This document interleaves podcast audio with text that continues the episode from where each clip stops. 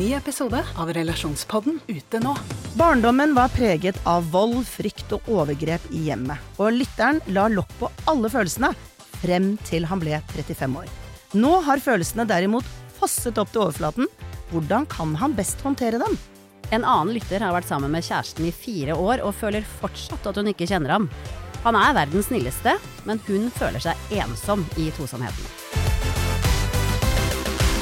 Hør Relasjonspodden gratis der du hører podkast. Du trenger et visst antall gram i døgnet. Uansett hvor mye ellers du spiser. Spesielt hvis man blir veldig mye eldre, så går jo appetitten ned. Kanskje også behovet for kalorier går ned. Men behovet for proteiner går ikke ned. Hei dere, velkommen til oss. Vi er Biohacking Girls, din podkast for optimal helse. Vi er to jenter bak rattet. Dette er Monica. Og dette er Alette. Vi er biohacking-kollegaer og legger sammen våre erfaringer og kunnskap for å inspirere deg til å ta fatt på biohacking for å optimalisere helsen din. Vi følger med og setter forstørrelsesglass på trender og siste forskning, og snakker med verdens toppeksperter innen trening, life coaching, helse og biohacking. Er du klar for å starte med konkrete hacks, lytte til din egen kropp og ta fatt på din helsemessige reise sammen med oss? Vi ønsker naturlig tilnærming til helsen vår, og vi snakker til både menn og kvinner. Du kan gjerne gi tilbakemeldinger til oss under podkasten her, og slå gjerne til med en god stjerne. Du finner oss også på Instagram og Facebook. Er du klar? Velkommen.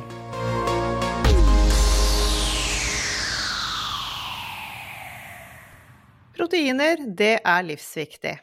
Dette ordet kommer fra det greske ordet proton og betyr den viktigste hvis spiser for lite proteiner, og dette kan få store helsekonsekvenser.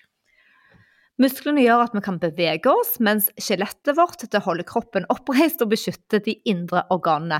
Og muskler kan være beskyttende også på en del sykdommer, særlig kardiovaskulære sykdommer. Og det kan òg gi bedret immunrespons. Og proteinet spiller en avgjørende rolle i denne sammenhengen, og så å si alle de biologiske prosessene i kroppen vår. Så protein er helt nødvendig for oppbygging og vedlikeholding av både celler og vev, og for å kunne produsere hormoner og enzymer. Proteiner er nødvendig for veksten vår og for å kunne reparere når noe går galt. Vi kan til og med bruke protein som energikilde gjennom gluconeogenesis, som er en reaksjonsvei i stoffskiftet som produserer glukose fra mindre molekyler. Dette næringsstoffet er som dere skjønner viktig å få i seg. Som regel bruker kroppen karbohydrater og fett for å skape energi. Men er det mye proteiner i kosten eller lite carbs og fett, så blir proteinet brukt. Ja, så dere skjønner, så skal vi snakke om proteiner i dag, og har med oss en kul gjest. Men for å gi en liten forklaring her, så er altså proteiner lange molekyler som i all hovedsak består av kjeder med flere hundre aminosyrer.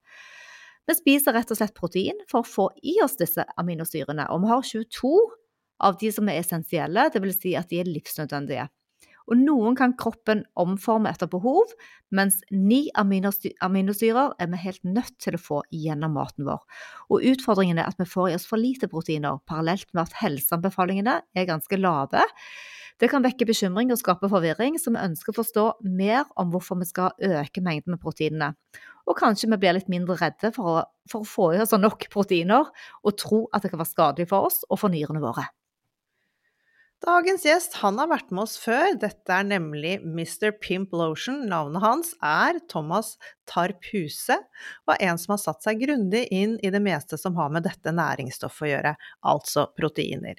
Det blir fint å snakke med Thomas om dette i dag. Vi har mye vi lurer på. Han er opptatt av biohacking og helseoptimalisering, og ønsker å være i superform. Han er også en kjent hiphop-musiker og produsent. Dere har også helt sikkert lagt merke til at Thomas er mye i media fordi han er nesepuster helt generelt, og også når han trener. Dette er et viktig tema i dagens debatt rundt det å være plantebasert, og òg når det kommer til klimasaker. Og det er sterke røster der ute som vil at vi skal kutte ut kjøtt fra kosten vår, og dette bekymrer oss. Men Alette, la oss sette over til gjesten vår. Velkommen til Biohacking Girls, din podkast for optimal helse.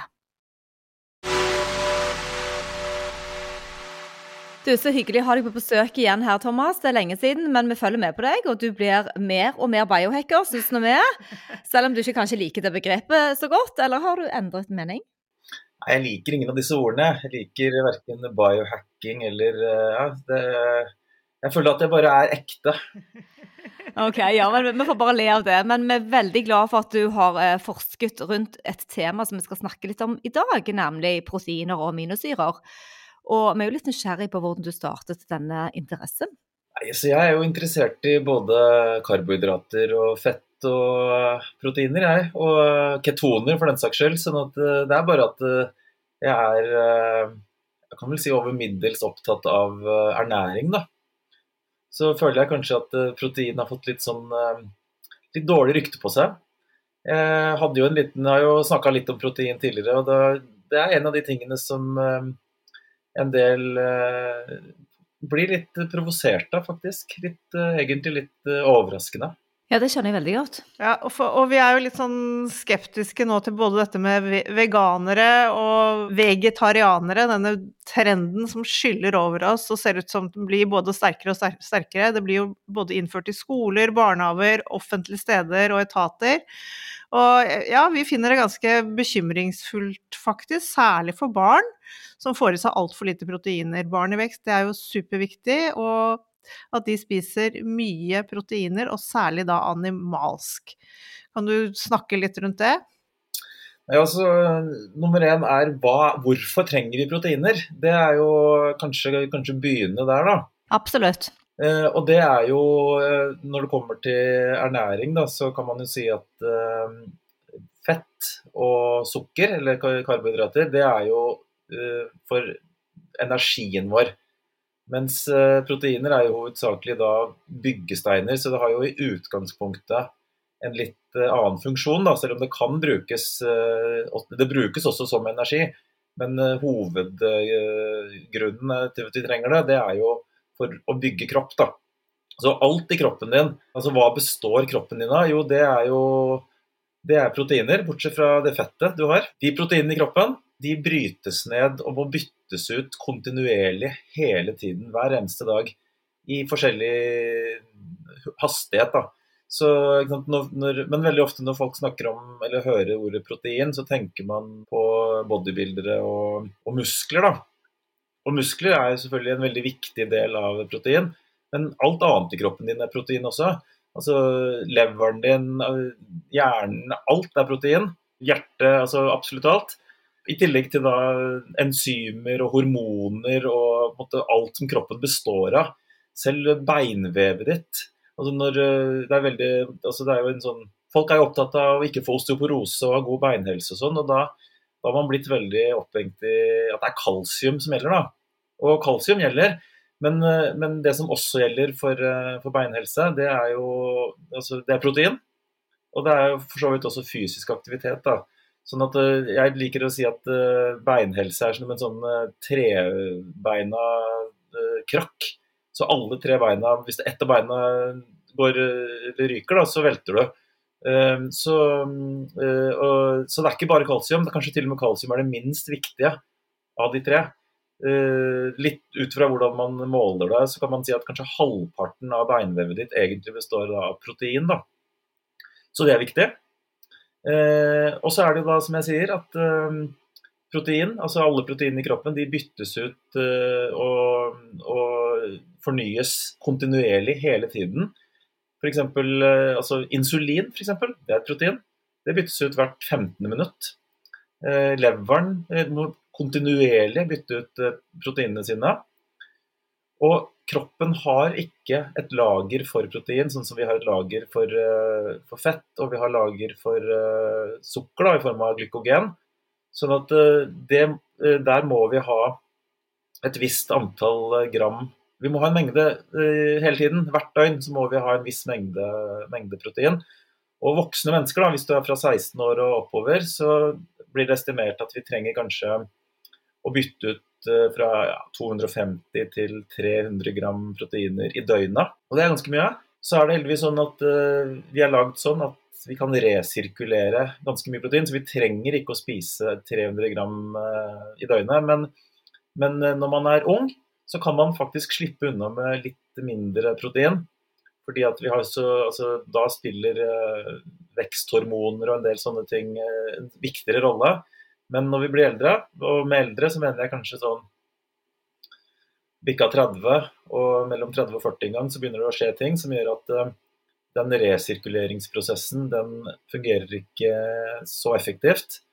Og vi har ikke lenger noen veksthormoner som spiller på, på, lag eh, like mye som når vi var yngre. Så da blir jo faktisk protein viktigere når du blir litt eldre. Og, så jeg pleier å Eller sånn jeg, altså eh, De forskerne som jeg følger, da.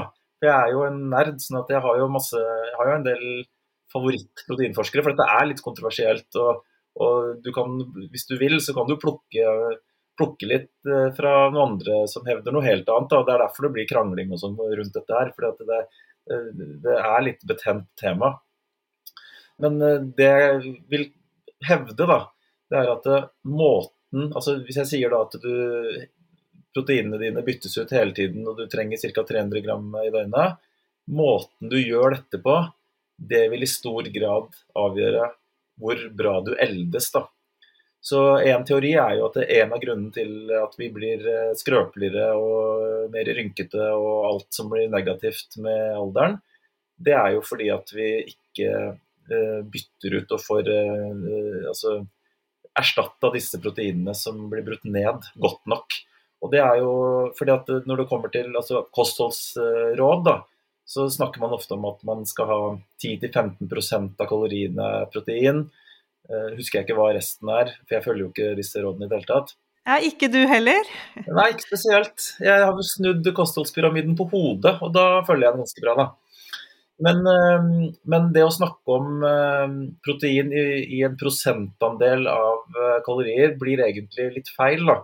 Fordi at du trenger et visst antall gram i døgnet uansett hvor mye ellers du spiser. Spesielt hvis man blir veldig mye eldre, så går jo appetitten ned. Kanskje også behovet for kalorier går ned. Men behovet for proteiner går ikke ned. Sånn at da må man kanskje spise en veldig mye høyere andel av det man sitt daglige kaloriinntak må da være i form av proteiner. Og så er det jo også sånn, eller det viser seg, altså, Studier og statistikk viser at uh, når man blir eldre, så får man i seg mindre protein. Er, sånn er det. Kanskje fordi at man har mindre appetitt og kanskje ikke orker å tygge så mye f.eks. kjøtt. Så, mens man da trenger mer, da. Så det, det er grunnen til at jeg er opptatt av proteiner. For jeg er jo opptatt av altså Det er det andre ordet jeg ikke liker, da, det er longevity. Eh, men jeg er opptatt av å prøve å være friskest mulig lengst mulig. Og da er jeg opptatt av å få de proteinene jeg trenger, sånn at uh, kroppen min kan erstatte alt det som brytes ned. Og, så jeg får, um, får, holdt meg frisk, da. For det, det er jo snakk om ikke sant, Jeg nevnte helt innledningsvis at man forbinder jo um, protein med muskler. Som jeg da sa at resten av kroppen er jo også bygd opp av proteiner, men muskler er også viktige. Og veldig ofte så tenker man da på muskler kun i form av at man er stor og sterk og kan løfte tungt og sånn. Men muskler er også veldig viktig for metabolsk helse. Så når du på en måte Alt sukkeret du forbrenner, eh, ikke alt, men en veldig stor andel av sukkeret du forbrenner, og alt fettet du forbrenner, det er jo musklene som står for. Så har man en bra muskelmasse, så vil jo forbrenninga di også bli mye bedre. Eh, så ja, det var en veldig kort uh, introduksjon på hvorfor jeg er glad i protein. Vi har mye å spørre om, Alette. Vi har veldig mye å spørre om i alt det du sa nå. Fordi vi ja, det er det jeg faktisk vil. Da, for jeg er jo litt sånn som en sånn du legger på en mynt, og så begynner jeg å snakke. Men egentlig, når dere til og med er to uh, programledere eller hosts, så, så, burde dere, så har jeg egentlig lyst til å få litt spørsmål, egentlig. Ja, ja nå kommer de. nå kommer de på løpende bånd. For man kan vel egentlig si det sånn at vi spiser jo proteiner for å få i oss alle disse aminosyrene vi ja. har. Men kan ikke vi begynne litt med hva som skjer hvis vi ikke får i oss eh, nok eh, protein? Hva skjer med oss da? Ja, For det første så er jo det å snakke om protein egentlig litt misvisende. For vi har ikke noe behov for protein, vi har behov for aminosyrer. Og alt protein vi spiser blir brutt ned til individuelle aminosyrer. Sånn at, eh, så det er ingen proteiner vi trenger, men vi trenger en viss mengde aminosyrer. Og eh, i menneskekroppen så bruker vi 20 aminosyrer. Det fins Jeg tror forskerne har eh, identifisert i hvert fall 500 forskjellige aminosyrer som finnes i naturen.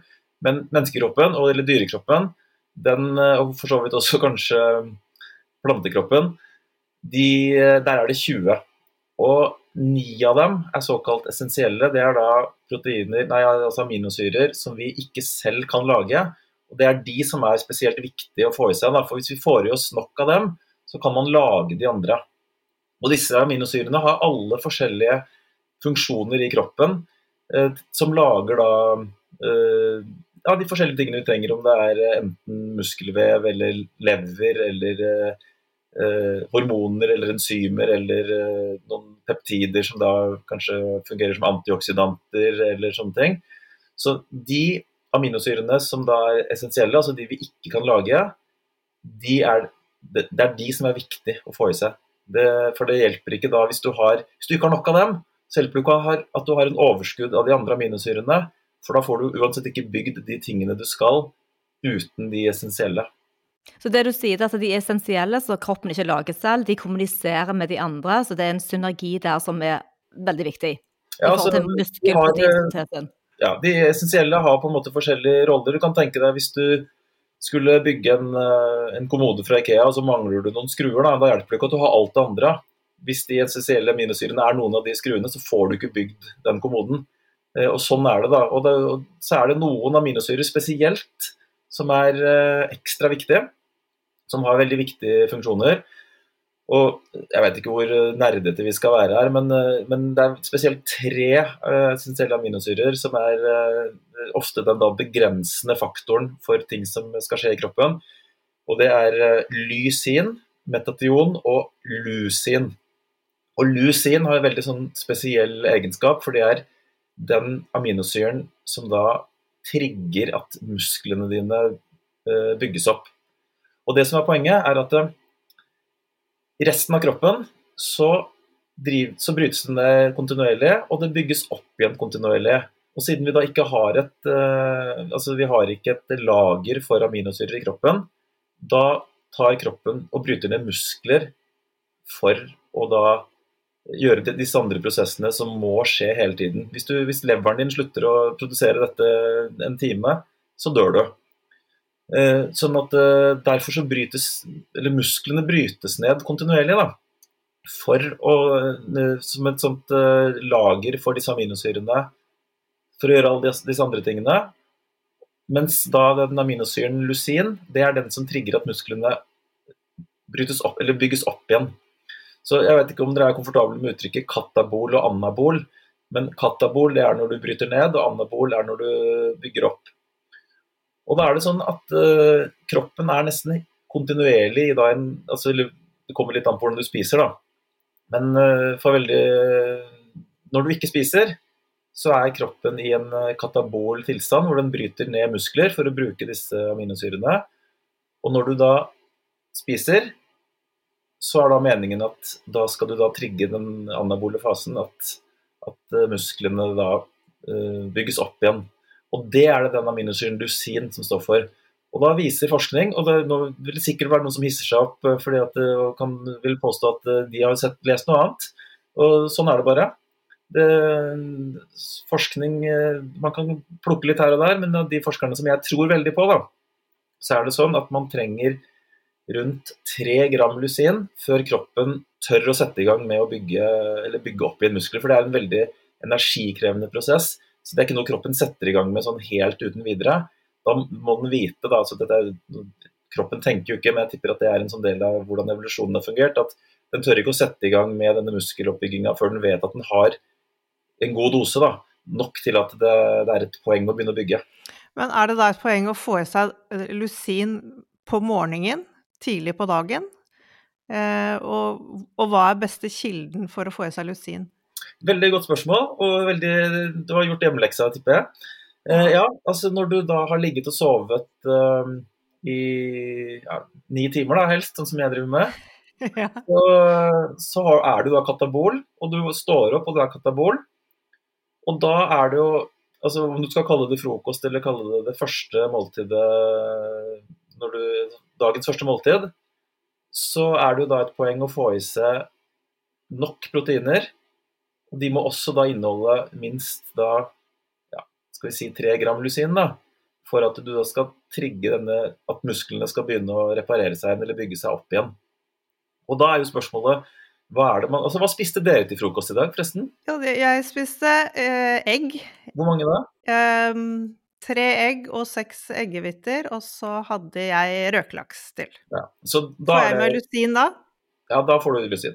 Så det man kan si, er jo at eh, dere start, du startet jo litt tidlig å snakke om dette med veganere og vegetarianere og sånn. Det man i hvert fall kan si, da, eh, helt, det er helt ukontroversielt, er at eh, planteprotein inneholder mindre av disse essensielle aminosyrene enn eh, animalsk. Det, det er ikke noe tvil om. Altså, dette er jo veldig fascinerende. De eneste Altså, hvor kommer disse aminosyrene fra? Eller hvem er det som lager disse essensielle aminosyrene? Det er kun bakterier som kan gjøre. Og enten så er det bakterier som er på røttene til plantene, så lager de, og så kan, eh, kan planten lage protein av dette.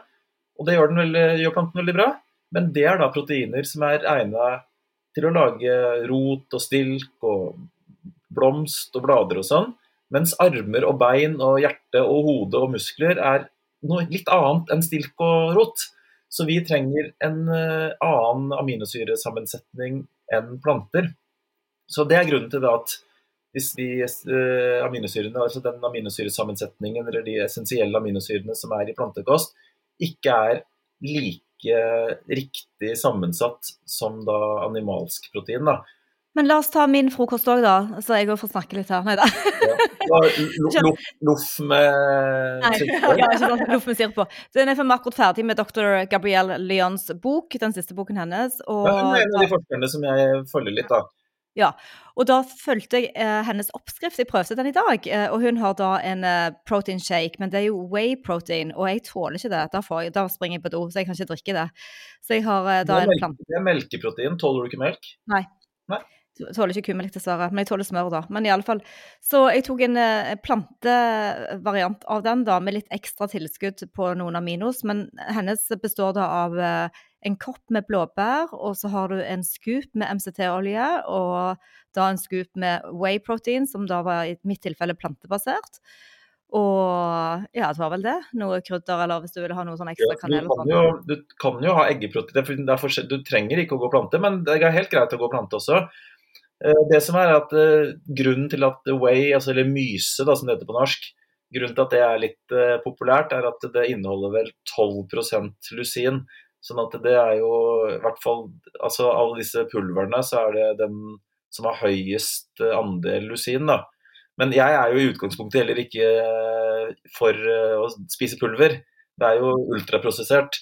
Sånn at jeg vil anbefale å spise ekte mat. Og, eh, men hvis det er en Altså man er i en situasjon som gjør at det blir komplisert og vanskelig, så er det jo mye bedre da å ta seg en, en shake som erstatning for å faktisk få, få i gang denne muskelproteinsyntesen. Men eh, jeg, jeg personlig syns ikke at man skal velge Når man er hjemme og har tilgang på mat, så syns jeg jo det å velge proteinshake er sånn dårlig valg, da. Jeg er enig, men det var bare et eksperiment siden vi skulle intervjue deg i dag. Og vanligvis så har jeg eggehviteproteinpulver, men det hadde jeg ikke mer igjen av i hus, så det ble en sånn boks jeg hadde stående. Men så hadde jeg da til eh, lunsj, så var bare fire timer etterpå, så hadde jeg da fire egg eh, og to ekstra eggehviter med eh, sånne gjær på, hva heter det for noe, sånne Næring. næringsgjær, og et stykke med svin indrefilet fra i går. Så jeg føler jo at jeg har fått min dose. Bare fulgt eh, Gabrielles eh, oppskrift. Jeg er litt nysgjerrig hvorfor du, hvorfor du adder eggehvite og ikke bare har hele egget på alt. Og i denne shaken så er det litt vanskelig å For da er det rått, og jeg er ikke så glad i å spise rå eggehvite. Så da enten må jeg steke den og så lage shake av, og det gjør jeg mange ganger òg. Så du har shake til lunsj òg? Nei, det var shaken til frokost. Altså jeg vanligvis pleier å ha eggehvitepulver i den hvis jeg lager meg en shake. Så det Ja, går i pulver? Ja, det har jeg eggehvitepulver. Men, men um, flytende eggehvite kan jo òg funke, men da pleier jeg å steke det som en scramble, og så tar jeg det oppi den shaken med det jeg har lyst til oppi. Egentlig så er jo det hele egget er jo et mye mer sånn nutrient-riktig eh, å spise. Da, sånn at jeg vil jo alt, altså Det har jo vært en sånn trend hvor man kan kjøpe ren eggehvite f.eks. i butikken og sånn. Eh, å spise hele egget er jo overlegent mye bedre ernæringsmessig enn bare eggehviten. Men av og til så ble jeg ikke helt mett, så da fire egg til lunsj i dag og eh, noen eggehviter. Og det, det, er en annen historie, for jeg legger eggehviter i eplesider vinegar eh, over natten. Det skal ligge en uke sånne halve uten eggeplommen, som har med kolesteroltransportering å gjøre. Så jeg gjør et lite eksperiment der. Så derfor har jeg mye eggehviter i tillegg til, til hele egget, som er veldig glad i egg fra frittgående høns. Ja, helt enig med deg. Det var jo en sånn, eh, I mange år så var det jo en sånn eh, at folk var veldig redd for å spise egg fordi det inneholder mye kolesterol. Nå er jo kolesteroldebatten eh, noe for seg selv, da, men det man så viser Den er vel lagt død nå. ja, så viser det seg at det kolesterolet du spiser, havner jo uansett omtrent ikke noe av det i blodet. Så det å være redd for å spise noe fordi det inneholder kolesterol, blir jo dobbelt dumt da, i, i, min, i, min, verden. Men når det kommer da til, til protein igjen, da, eller aminosyrer, Ja. så er det jo kanskje det er fire ting som, som man bør ta hensyn til. Det ene er mengden. Og der, altså, du har en sånn RDA, Recommended Dietary Allowance, som, hvor man opererer med 0,8 gram per kilo kroppsvekt, eller sånn ideelle kilo kroppsvekt. Jeg er veldig imot egentlig å drive og telle ting, telle kalorier, telle ditten og datten. Men, uh, men i hvert fall uh, Det er det ganske stor enighet om, bortsett fra i noen miljøer, at uh, det er for lite. Det er minimum av akkurat hva som skal til, kanskje for å ikke få underernæring på, på, aminosyrer. Så noen på deres alder, og min, vil jeg kanskje si at det optimale vil være kanskje 1,8 gram per kilo kroppsvekt. Og dette igjen blir mye tall, og jeg syns egentlig det er litt sånn surrete å begynne å snakke om så mye tall, men hvis dere bikker 100 gram protein i løpet av et døgn, så kan man ganske egentlig trygt si at dere er innafor, da. Så det er mengden. La oss si at dere bør komme over 100. Altså en, en stor brande som trener uh, vekter og, og, vil kanskje trenge uh, 160-150 gram, eller, eller, mer. Det er ikke noe, det er ikke noe risiko.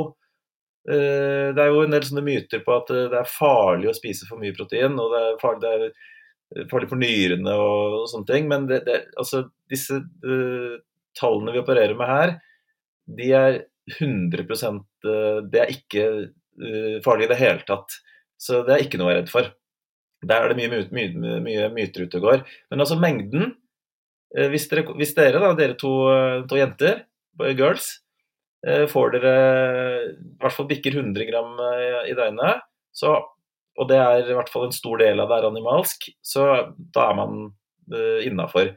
Og så er det jo da For de fire aspektene man må, må tenke på, det ene er da mengden. Og så er det kvaliteten.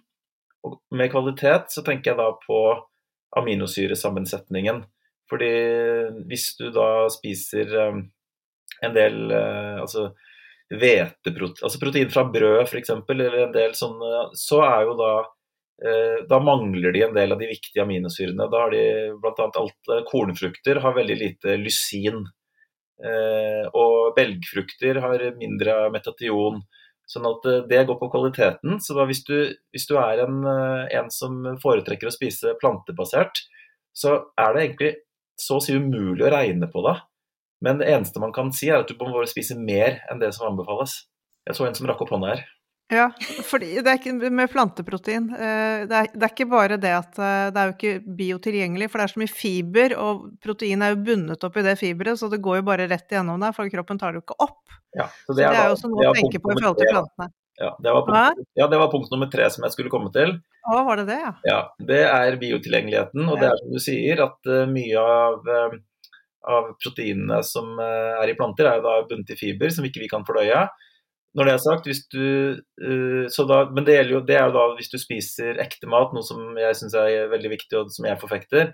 Men uh, hvis du driver med pulvermat, da, så er jo problemet rundt biotilgjengelighet mye mindre. Så hvis du spiser soyaprotein eller uh, erteprotein eller et eller annet plantebasert protein i pulverform, så trenger du ikke å tenke så mye på biotilgjengeligheten. Og så har du den nummer, eh, nummer fire, og det er timingen på proteinet. Eh, jeg har jo vært en sånn, sånn kjent hva skal vi si, talsperson for OMAD. Spist én gang i døgnet. Og det må jeg si at det har funka Det syns jeg funker veldig bra for meg. Ja, men etter at jeg satte meg veldig grundig inn i proteinforskning og hvordan kroppen tar det opp, så ifølge den så skal jo ikke jeg få i meg nok protein. Fordi at eh, det man ser er at eh, som jeg sa, hvis du skal eh, få denne muskelproteinsyntesen, altså hvis musklene skal begynne å bygges opp igjen etter å ha vært katabole i timevis, så må du da bikke ja, rundt 30 gram protein, er det man kan på en måte si som en tommelfingerregel for å få disse tre grammene lusin. Litt mindre hvis det er animalsk, og litt mer hvis det er plante. Men du må i hvert fall, la oss si for å gjøre det enkelt, så må du det måltidet som du skal sette i gang og få musklene til å bygges opp igjen, bør bikke 30 gram. Og så ser man at uh, spiser du 40, så er det enda bedre. 50 er kanskje enda bedre. Og så kommer du til et sånt, uh, sånt platå hvor ikke, musklene klarer ikke å utnytte kanskje mer enn ja, kan, kanskje opp mot 60 gram. Det kommer litt an på personen og hvor mye muskler du har og sånn. Uh, så det vil si at jeg som da har spist en gang i døgnet, hvis dette stemmer, så vil jeg egentlig bare ha Musklene mine kan bare utnytte seg av 60 gram, selv om jeg spiser et enormt uh, etegilde med, med, masse proteiner det ene måltidet. Så, uh, så, i hvert fall hva teorien eller uh, forskningen sier, da, så er det da viktig også med timing. fordi at da bør du ha ett måltid som du da får i deg opp mot 60 gram. Og da settes denne anabole effekten i gang, og den varer kanskje et par timer. Eh, mens aminosyren er fortsatt i blodet, og det er fortsatt eh, på en måte anabolt i, i flere timer. Da.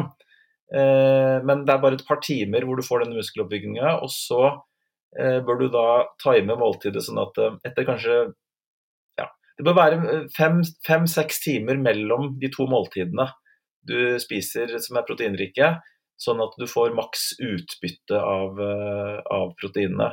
Og hvis du virkelig trenger mye protein, hvis du er en eh, Jeg vet ikke hva som er eh, lyttergruppen deres, det er kanskje ikke så stor andel veldig enorme bodybuildere, men hvis, du, hvis målet er å virkelig bygge muskelmasse maksimalt, da, så burde man kanskje spise opp mot fire måltider i døgnet. Eh, med da fem, fem timer imellom, f.eks. Så det er en trend blant eh, de aller mest eh, ihuga kroppsbyggerne at de setter på vekkerklokka og vekker seg selv midt på natta for å, for å få et ekstra måltid. da. Ja, Men hva, hva gjør du nå? Jeg, hva, hvordan har du byttet, eller er du på OMAD fortsatt? Jeg Det er litt sånn som med, med lettbrus, at jeg har egentlig slutta. Og jeg har egentlig slutta med OMAD, men så blir det OMAD likevel. Og så skal det jo sies at jeg har ganske god kontroll på styrke og, og muskelmassen min. Fordi jeg, jeg, jeg trener eh, og jeg har, ganske, jeg har den samme måte, fettprosenten som jeg har hatt lenge, så jeg kan på en måte veie meg og se at ikke den har gått ned. Og så er jeg også like sterk som jeg har vært.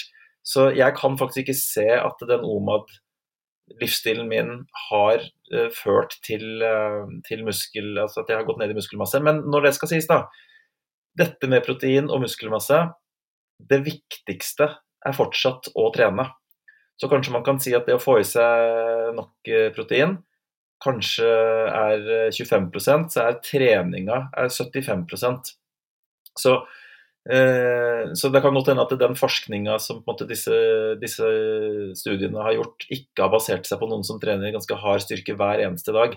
Så, så jeg tror du kommer ganske langt med å trene Trener du hard styrke, og det viser det seg også, at trener du hard styrke, så blir kroppen flinkere til å benytte seg av uh, aminosyren også, så man trenger faktisk mindre lusin for å trigge denne anabole tilstanden. Da. Så, sånn at det er, ikke, det er, ikke, kun basert på inntak, det er uh, treninga er uh, viktigere. Ja, den er viktigere, men det er veldig godt innspill likevel, med tanke på at i alle fall 50% av amerikanere trener ikke. Så da kan de i alle fall optimalisere litt med kostholdet. Og det er mange som ikke trener, som, ikke, som velger bort trening. Og da er det i alle fall viktig å spille på lag med kostholdet og øke mengden. Som man kan tenke eh, Det beste er jo å gjøre begge verdener, både trene og spise proteiner.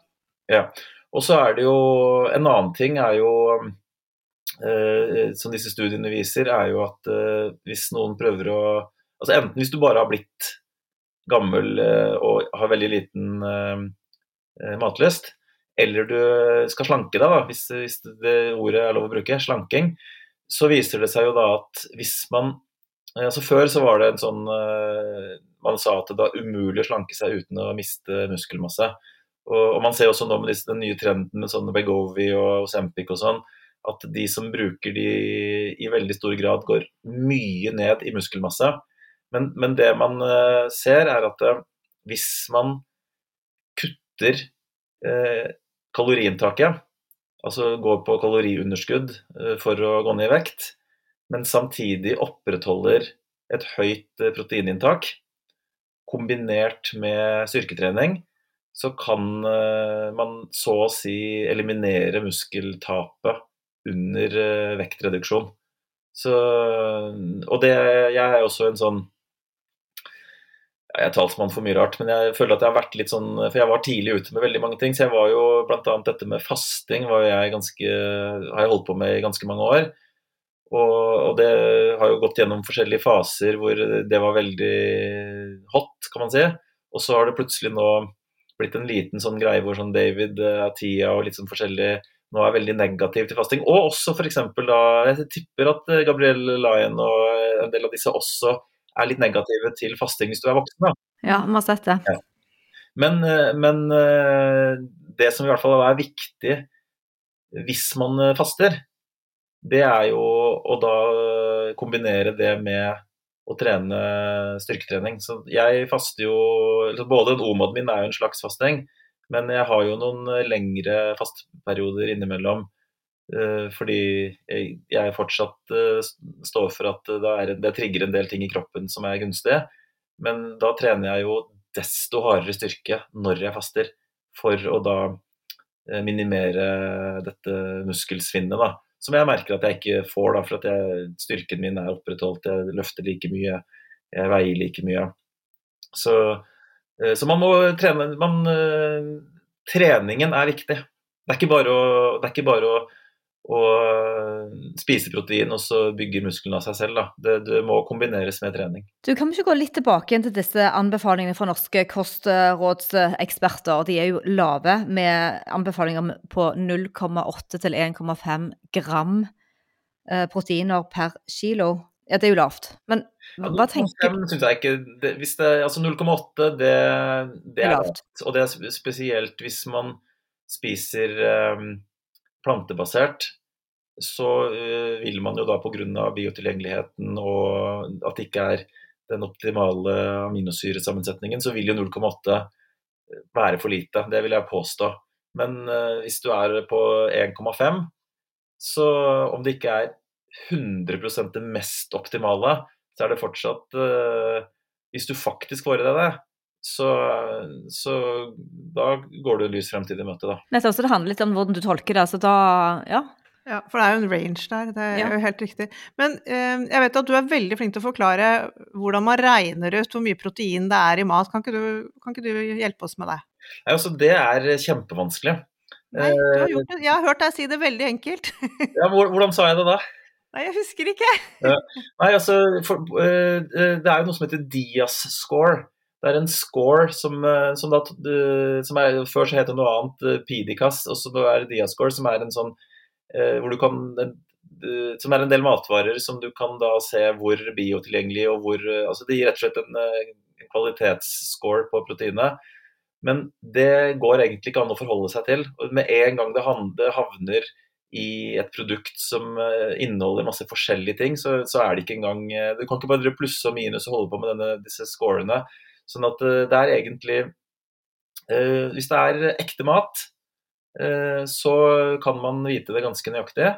Men er det mat som kommer i pose eller pakke og har innholdsfortegnelse, så er det egentlig helt umulig å vite. og det, er til og med sånn når du leser innholdsfortegnelsen på, på noen prosesserte produkter, da, så har man egentlig tatt utgangspunkt i at man har analysert og sett hvor mye nitrogen som er i, um, i produktet, eller i, i, matvaren. Fordi at uh, fett og sukker inneholder ikke nitrogen, mens uh, proteiner gjør det. Og så, så da har man bare regna ut uh, Men der kan det være feilkilder. Både at det er puriner, da, som er DNA og, og, RNA, som inneholder nitrogen.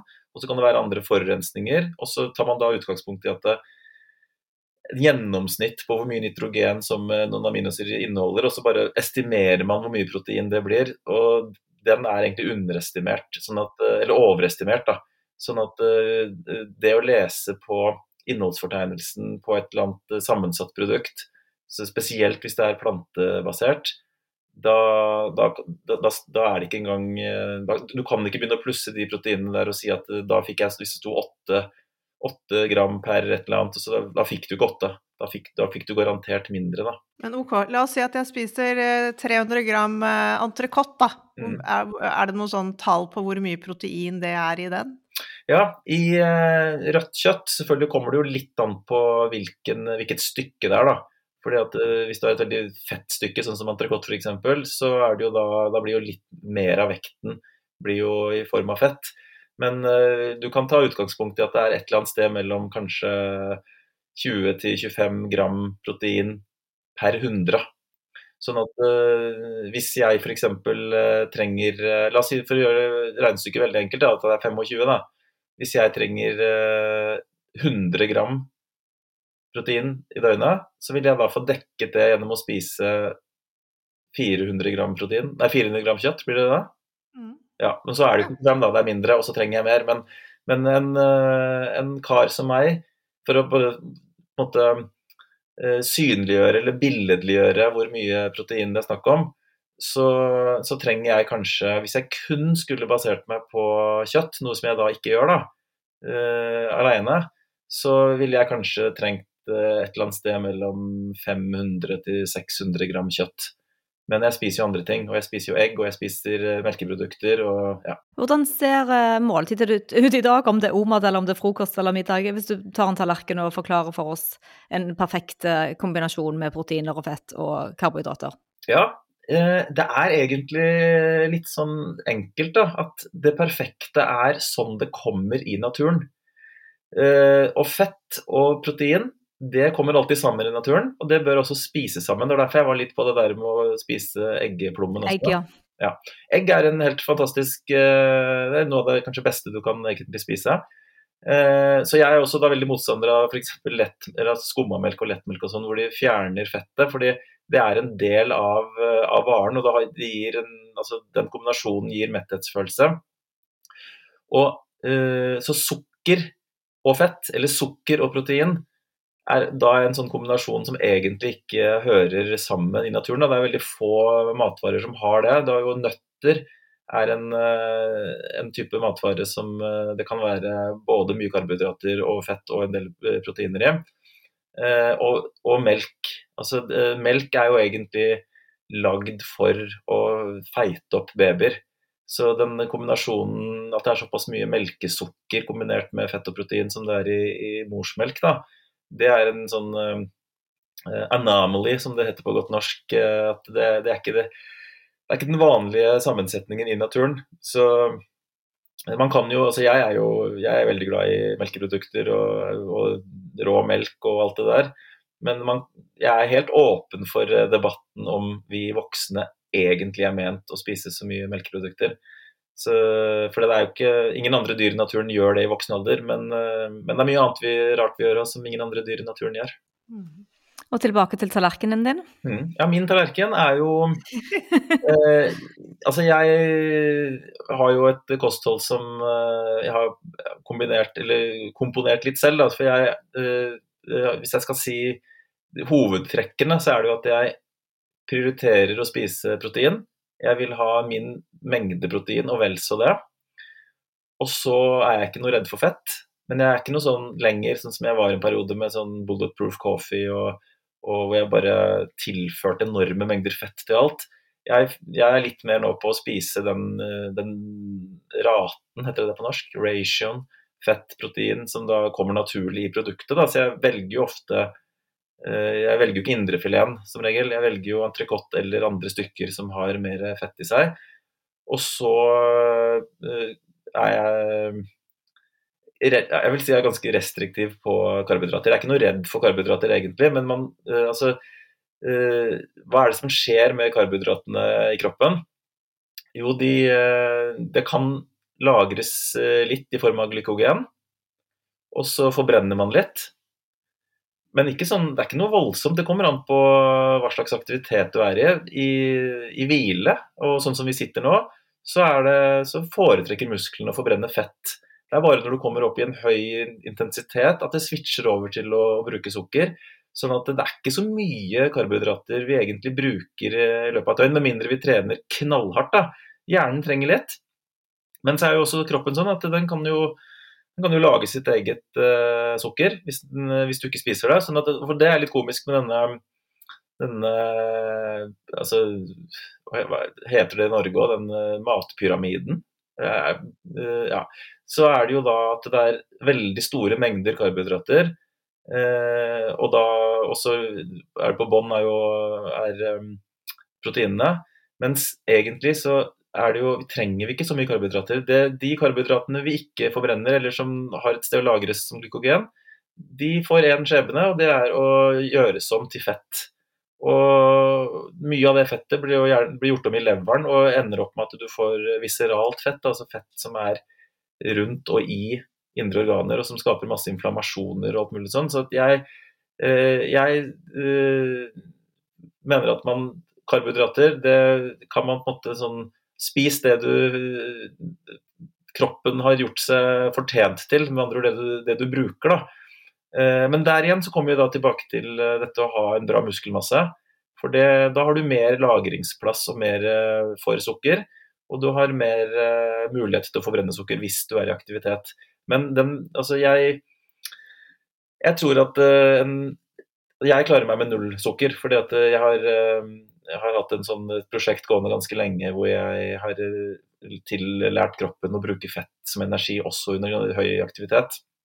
Men du skal være i ganske mye aktivitet hvis du trenger mer enn 100 gram karbohydrater i løpet av et døgn. Og jeg er ganske sikker på at eh, gjennomsnittet i Norge er mye høyere enn 100 gram i døgnet. Og det blir til fett.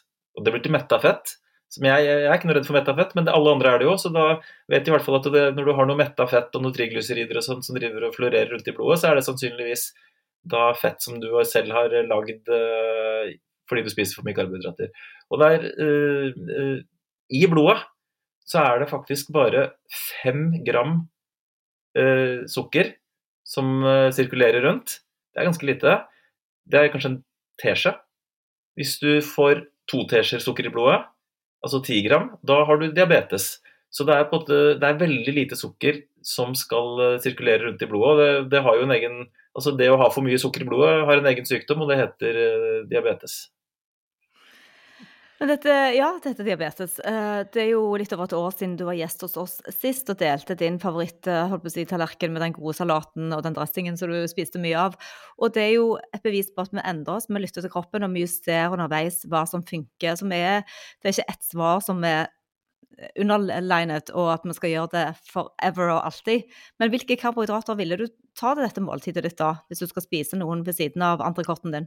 Ja, Det ene er jo at det komiske med denne matpyramiden er at det skal være så mye karbohydrater. Og så viser det seg jo at det eneste man ikke trenger, er karbohydrater. Man har behov for null gram karbohydrater. Eh, og jeg spiser jo altså, Mine karbohydratkilder er litt agurk og kanskje en liten tomat. Det er det jeg får av karbohydrater eh, i døgnet. Eh, jeg var litt overrasket å lese eh, oppskriften til eh, Gabrielle Lyan, for det var veldig mye grønnsaker. Ja, Men altså, det er ikke noe galt med grønnsaker. Eller kanskje det er det. Det er jo sånn, litt sånn flåste sagt at 'plants are trying to kill you'. De, planter du kan ikke bare gå ut i hagen her og begynne å spise det som vokser rundt deg. Da blir du, da blir du syk. De aller, aller, eller alle planter har masse giftstoffer som gjør at for at dyr ikke skal spise dem opp. Hadde det ikke inneholdt det, så hadde dyr spist det opp på flekken, og så hadde jo planten dødd ut. Så det er jo stoffer i ganske mange uh, av de plantene vi spiser, type sånn uh, fytinsyre, oksalat. I soya f.eks. så er det isoflavoner som er østrogenlignende. Og det er ikke sikkert det er noe sånt stort problem hvis man spiser litt. Men når man nå plutselig skal Sånn jeg har, en, har diskusjoner da, med f.eks. Eh, de som er veldig opptatt av eh, plantebasert, så er jo da ofte sånn trumfkortet de kommer med at ja, men soyaprotein er så bra, så de bruker soya til alt. da. Beyond Burger, naturlig, alt soya, tofu liksom det, er, det, er, så mye soya at det tyter ut overalt. da. Eh, og da kan man lure på sånn, eh, om det, de, disse stoffene da, Sånn, eh, altså de isoflavonene som har eh, østrogenlignende effekt på kroppen. Når man spiser så innmari mye av det, altså, da Det hadde ikke jeg gjort. Eh, selv om det er kanskje vanskelig å finne en studie som viser med skråsikkert at dette er, ikke er bra for deg, så kan man i hvert fall finne det i dyr. At det ikke er bra for dyr.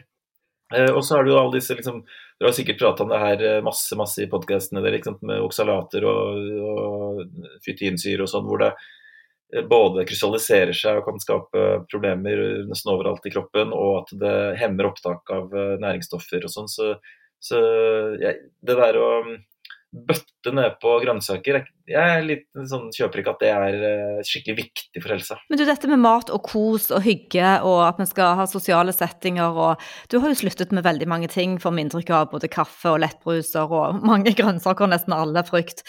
Uh, er du en glad mann? Føler du at du er inspirert, og at eh, mat får mindre betydning? At det er andre ting som gir påfyll? Hva tenker du rundt dette med all den kosen rundt maten? Altså, jeg, eh, først, jeg er veldig fornøyd og veldig glad, og jeg koser meg glugg i hjel med det jeg spiser. Eh, sånn som du legger det fram da, så burde jo alle mennesker som levde for 100 eh, år siden og tilbake, vært deprimerte og lei seg. Fordi det er jo sånn vi har spist gjennom hele evolusjonen. Og så, så, alt det der at vi nå bruker mat som underholdning i den store graden vi gjør, og at det skal være tivoli i munnen med masse sukker og søtsmak, og hver gang vi møtes så skal vi spise noe søtt, er litt sånn nytt fenomen. Jeg kan møte folk og ha det kjempehyggelig og være sosial uten at jeg nødvendigvis må spise kake eller, eller eh, sjokolade eller chips eller hva som helst. sånn at det, jeg tror det er sånn, Man må komme litt kanskje ut av den tralten at man bruker mat som underholdning. da. Når jeg da ikke snakker imellom noen måltider og blir ordentlig sulten før mitt neste måltid, så skal jeg love deg at eh, er det en som sitter og koser seg med, med biffen og denne snow saladen eh, Det smaker kjempegodt. Og faktisk er det sånn at eh, hvis jeg f.eks. spiser brokkoli, så syns jeg det smaker så søtt at det blir godteri. da. Så det er jo bare en sånn Du må resette hormoner og smaksløker og sånne ting. Og så, og så blir det som da andre ikke oppfatter som, eh, som, godteri, blir godteri. Jeg husker jo, jeg har jo vært, Hvis du går innmari mange år tilbake i tid, så var jo jeg A4. Og, jeg, og da var det sånn, da kunne jeg spise en uh, sjokolade, en hel stor, en, uh, en halvmeter Freia. Og det, til slutt så var det sånn at det ga meg ingenting. Det, sånn, det var ikke spennende engang. Det, det bare gikk rett ned. og det var på en måte sånn, det blei altså, Du blei på en måte ja, du, du mista hele Det var ikke så veldig godt. Det var bare normalt. Det var, det var ikke veldig søtt heller. Det var bare sånn Det ble autopilot. Så det er litt bare hvor man setter uh, setter standarden. Du har dette, Nå har jeg funnet ut at eh, vi tre må jo spise julemiddag sammen. Altså, Nå har jeg, nå har jeg plutselig lyst til å gå på julebord med noen her. Utenom deg, da. ja, ja, ja. ja. Nei, men jeg, jeg, er helt enig med deg. Vi har jo absolutt uh, ramlet utfor en sånn uh, fjellvegg med denne ultraprosesserte maten, og det er liksom sånn ja, det er kos, ja. kos, kos, kos overalt. Og jeg er også helt enig med deg. Jeg syns det er bare befrielse å slippe å være avhengig av noe av det. Det, det gjør meg òg glad. Og for meg så har det jo blitt sånn Eh, er, jeg tror det kanskje er vanskelig for folk å kunne sette seg inn i det, men for meg nå eh, å se en godteskål f.eks., så er det sånn jeg har like lyst på det godteriet som jeg har lyst på en sigarett. Og jeg har aldri røyka i hele mitt liv, så det er på en måte sånn Altså, Sett en, eh, en pose smågodt foran et eller annet dyr som aldri har smakt det før. De føler jo ikke at det er noe offer å ikke spise det godteriet. Så det går jo bare på at man går glipp av dette suget, da. Og, så dette her kunne jeg snakka om, nå sklei det jo ut fra bort fra proteiner, men, men, men, det å spise mye sukker, det trigger eh, visse mekanismer i kroppen som eh, gjør at du blir mer sulten, og du blir slappere. Eh, og du, det er rett og slett den mekanismen kroppen har for at man skal eh, legge på seg før eh, vinteren. Og det er jo egentlig Altså diabetes 2 og insulinresistens og alt det der er egentlig noe fantastisk som har gjort at vi har overlevd som art. Det er bare at det er ikke meningen at det skal være trigga året rundt. Nei, det er akkurat det. Men litt tilbake til Jeg vet jo at ikke du er eh, begeistret for supplementer, men kreatin, mm. det har du vel testet? Ja, kreatin er en av de få um, supplementene som uh, jeg anbefaler alle, ja. og som jeg bruker selv. Og det er jo Og det funker. Altså, jeg har prøvd, jeg har prøvd så mye Jeg har prøvd alt av, av supplementer, da, og jeg har egentlig til gode Eh, med veldig få unntak, og kunne si at ja, det supplementet, det, det merker jeg funker. Altså, det er jo tidenes businessidé å selge sånne diverse ting eh, som skal gi deg longevity. Og sånn, ja, ta dette her, det er svindyrt. Ta det, kjøp det og bruk det daglig. Om 30-40 år så skal du eventuelt da får du se om det funker eller ikke. Så jeg har også lyst til å selge sånne produkter. For eh, jeg, vil, jeg vil ha svaret nå. Men kreatin, det er også noe som da forbindes uh, veldig mye med, med styrkeløftere og, og, sånn, litt sånn negativt uh, fortegn. da. Men det man ser, er at det funker skikkelig bra. Er, kroppen kan lage litt kreatin. Det er kreatin i rødt kjøtt. Men hvis du da tar supplement i tillegg, så ikke bare er det sånn at eh, musklene styrkes, noe som er veldig viktig, sånn ikke bare for styrkeløftere, men man ser jo eh, eldre som eh, faller og brekker lårhalsen, som da aldri kommer seg til hektene igjen fordi at de ble sengeliggende.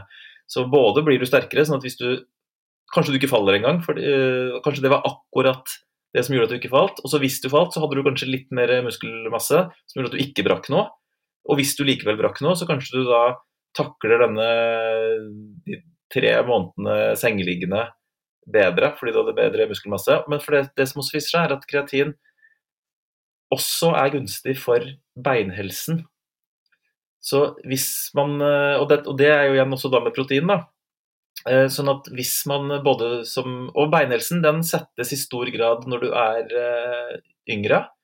Tenårene, begynnelsen av 20-årene. Så hvis uh, unge mennesker, og kanskje da jenter som er uh, ekstra utsatt, tar kreatin uh, som et tilskudd allerede fra de er litt unge, da, så kan det bidra til bedre beinhelse. Og så viser det seg at kreatin også er bra for kognitiv funksjon. Hjernen trenger kreatin. Sånn at jeg f.eks. har fått foreldrene mine, de tar kreatin. Både for da beinhelse, muskelmasse og det kognitive. Og Men hvor mye tar de? Hmm? Hvor mye? Det er for, jeg tror kanskje sånn fem gram om dagen. Poenget er at, eh, at eh, det finnes mange sånne oppskrifter og doseringer og sånn, og sånn megadosering i starten og sånn. At, men tar du for mye, så går det på magen løs. Så hvis du ikke har noe dårlig tid, og bare tar fem gram, altså tar en liten sånn skup, blander det ut i noe drikke hver dag, så tar det bare litt lengre tid før musklene er helt saturert med Eh, med kreatin. Så, så, det, så, det er ikke noe sånn Det er ikke noen store mengder. Eh, når det kommer til forskning, så er det kanskje at eh, for hjernens del så kanskje trenger man Kanskje hadde vært bedre med enda større doser. Det har litt med sånne blod-hjerne-barrieren og hva som kommer inn i hjernen og sånn å gjøre. Men kombinert med et kosthold med bl.a. rødt kjøtt og litt forskjellig, så vil det bare være et fint supplement. Og det er det ordet, ikke sant, supplement. Det er eh, det, skal, det, er det det er. Det er, ikke, det, er ikke mat. Så alle de andre aminosyrene sørger du for å få via kostholdet? Ja, da, ja det er jo et poeng igjen, da. Du, du, noen eh, Altså, du tar jo proteinpulver. Men en annen ting er jo at, uh, som er litt sånn hot, er jo å ta branched chain amino acids. Altså ta disse Det er bl.a. lusin. da. Fordi å ta det alene, det har veldig liten effekt. Fordi som jeg sa at du må ha eh, tre gram lusin for å trigge denne anabole prosessen. Men da krever du at det er masse andre aminosyrer til stede. Det hjelper ikke bare med lusin. Men hvis du f.eks. spiser et kosthold eller spiser et måltid som er sånn i grenseland ikke nok protein, eh, eller at det ikke er nok, men i tillegg da tar litt, eh, litt aminosyre, altså de riktige aminosyrene, f.eks. lusin som et tilskudd til det måltidet, så kan det være eh, vekta på skålen som gjør at du faktisk trigger muskelproteinsyntese, og så, så funker det. Så, så, de som vil trenge kanskje mest Altså spiser du store doser protein, så har det ingen effekt. Men uh, hvis du f.eks. er veldig plantebasert og ikke får i deg Du er i grenseland, eller kanskje ikke akkurat under òg, og får i deg nok protein, så vil det å ta disse aminosyrene kunne ha en effekt. Eller, eller hvis du bare rett og slett er syk og har dårlig dårlig matlyst. Veldig flott. Og vi har snakket mye om aminosyrer nå og proteiner, men vi må komme litt innom treningsrutinene dine, da, eller hvis du vil dele dine, så vi kan få litt inspirasjon på både hvordan du trener og hvordan du eventuelt tar kreatin, og hvordan du spiser i forhold til muskelbygging og trening og kondisjon. Ja. Hvis vi skal tilbake til, um, til aminosyrer eller proteiner igjen, da, så er det jo det forskningen viser, er at det har ikke noe uh, for seg å spise protein før trening. Eh, fordi når du trener, så havner du i en sånn katabol eh, nedbrytingsprosess uansett. Sånn at eh, måltidsmessig så er det lurt å trene, nei, spise etter du har trent.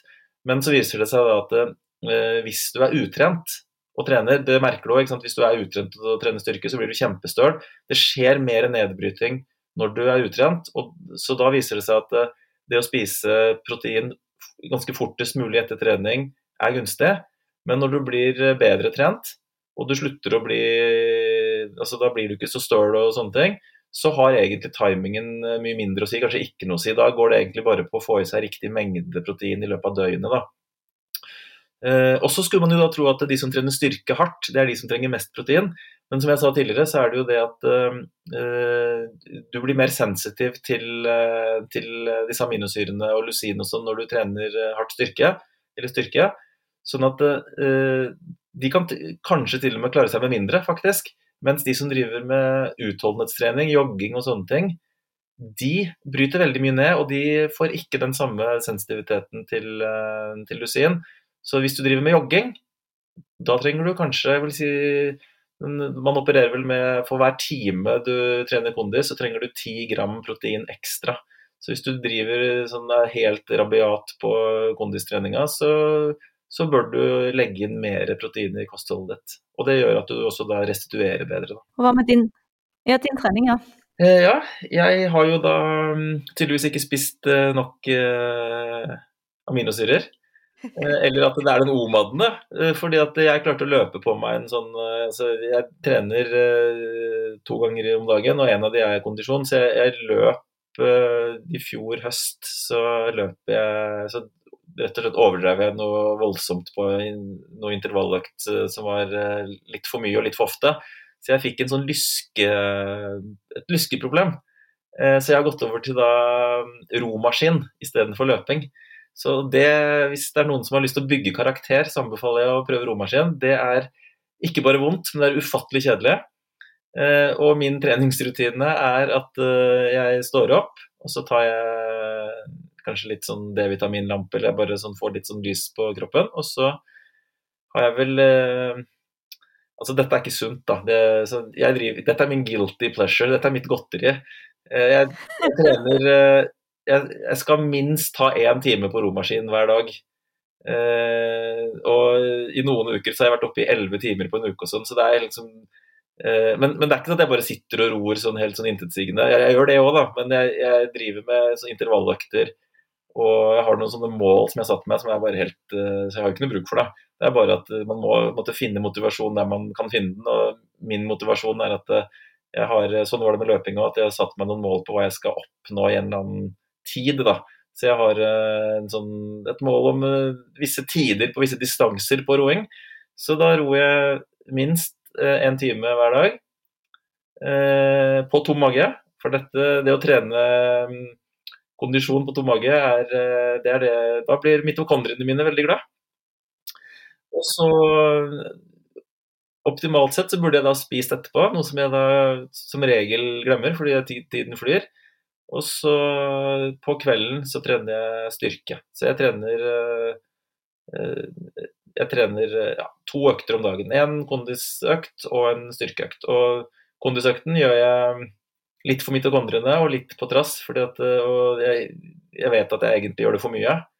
Uh, styrkeøkten det gjør jeg fordi at uh, først, jeg, jeg regner nesten ikke styrkeøkt som trening engang, for det er jo så lite smertefullt sammenlignet med hard uh, kondisjonstrening. Men jeg gjør det fordi at jeg da syns at muskelmasse er viktig. Altså ikke for utseendet, men for å være robust og tåle det som uh, verden kaster mot meg av, motgang. Da.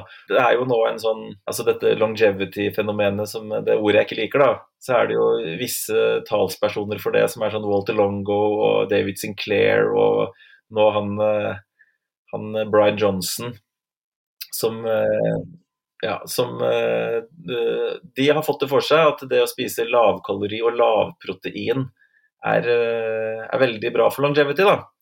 Eh, og fordi eh, de er jo da, altså Dette fenomenet når eh, du trigger muskelsyntese, det er jo da noe som heter mTOR, som er en sånn pathway og egentlig et gen, eh, som er da det å bygge opp. Og de, de tror at mTOR gjør at du, eh, du dør fort. Eh, og det er da på en måte jeg helt Jeg er 180 grader helt motsatt enig i hva de holder på med. Jeg tror de har rota seg De har malt seg opp i et hjørne da, som er bare tull.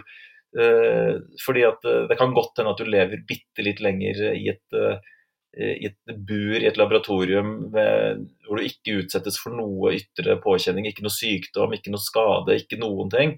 Så kan det godt hende at du kan leve litt lenger gjennom å være svak og ha lite muskelmasse og lite livsgnist og alt mulig sånn, men i den virkelige verden hvor eh, du møter motgang og sykdom og du, det skjer ting, da er det de som er robuste, som overlever. Så jeg trener eh, styrke for å være robust. I tillegg til at det har, det har bra altså metabolsk effekt, fordi det er der sukker og fettet forbrennes. Da. Nydelig. Vi kunne sikkert snakket en hel time til. Dette får bli ved en annen anledning. Det var lærerikt å få en prat nok en gang med deg. Mm, veldig. Tusen, tusen takk for at du deler. Kan jeg si én ting? Jeg har, ja. um, nå er jo ikke, Det blir kanskje ikke filma her, men nå er jo den nesepust... Den, nese, den, den munnteipen som jeg har vært med å. Den som ser ut som en bart? Ja, jeg kan ikke heller si at det ser ut som en, uh, som en sånn sløyfe, da. Sånn uh, bow tie som man har i, på en måte, i halsen. Ja, ja. ja. Å, få se ta den på. Er den bra? Eh, jeg syns den er veldig bra. Altså, jeg er jo også da en talsperson for dette med nesepust. Ja, ja. Eh, og hvis det funker for deg å bruke en eller annen teiprull fra apoteket, så gjør det. Mm. Det er mye billigere. Hvis du mm. ikke syns det er optimalt, hvis du syns den sitter for bra eller for dårlig, eller den gjør vondt å ta av, og den legger igjen limrester og, og den har eh, svakheter som du er villig til å, som gjør at du ikke liker det, så er dette et alternativ.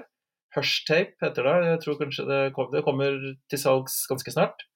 Så er det i hvert fall et uh, alternativ, eller et julegavetips eller et eller annet. Og da får jeg logoen min uh, på alt mulig, så dette, uh, Hold den opp en til, så jeg får filme den. Mm. Uh, så kult. Det skal vi legge link på under. Men er det noe du har utviklet selv? Jeg har vært med i prosessen.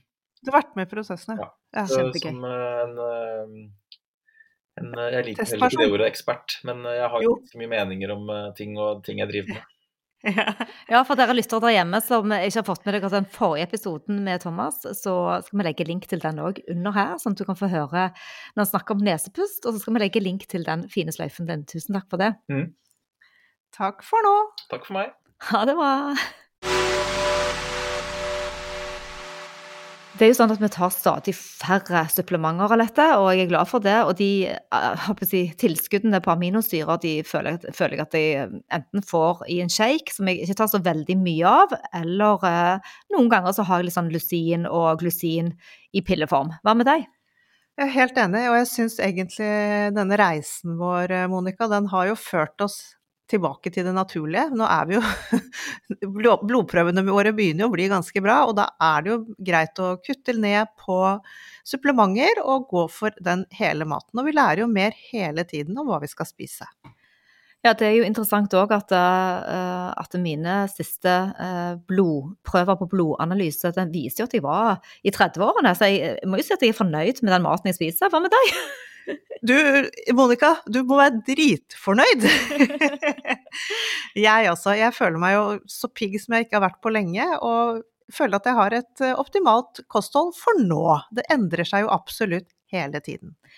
Men dere, det var gøy å høre Thomas snakke med oss igjen. Han har gode refleksjoner og masse kunnskap om viktige temaer som går på proteiner og aminosyrer. Han, han trener, og han er òg, sånn som vi ser, litt i endring. Han må justere han òg der han er i forhold til ord-mat og hva han spiser. Og så er det òg litt deilig å møte litt likesinnede som tenker at det, det går faktisk an å gå en tur, eller kanskje vi kan sitte på en romaskin sammen og være sosiale. Vi må ikke alltid bare fråtse og spise. Selv om vi elsker å spise òg. Det er jo ingenting som slår en god biff av dette. Nei, nemlig. Det var jo akkurat dette vi snakket om. Vi trenger jo ikke å gå all in i godteriet og lettbrusen, men et godt måltid når du er sulten, det fins jo ikke noe bedre. Tusen takk for at du lyttet, og få med deg eh, Pimp Lotion eh, på Instagram. Og vi skal legge link under, og håper dere koser dere med samtalen her i dag og lærte masse. Ha en fin uke. Happy biohacking!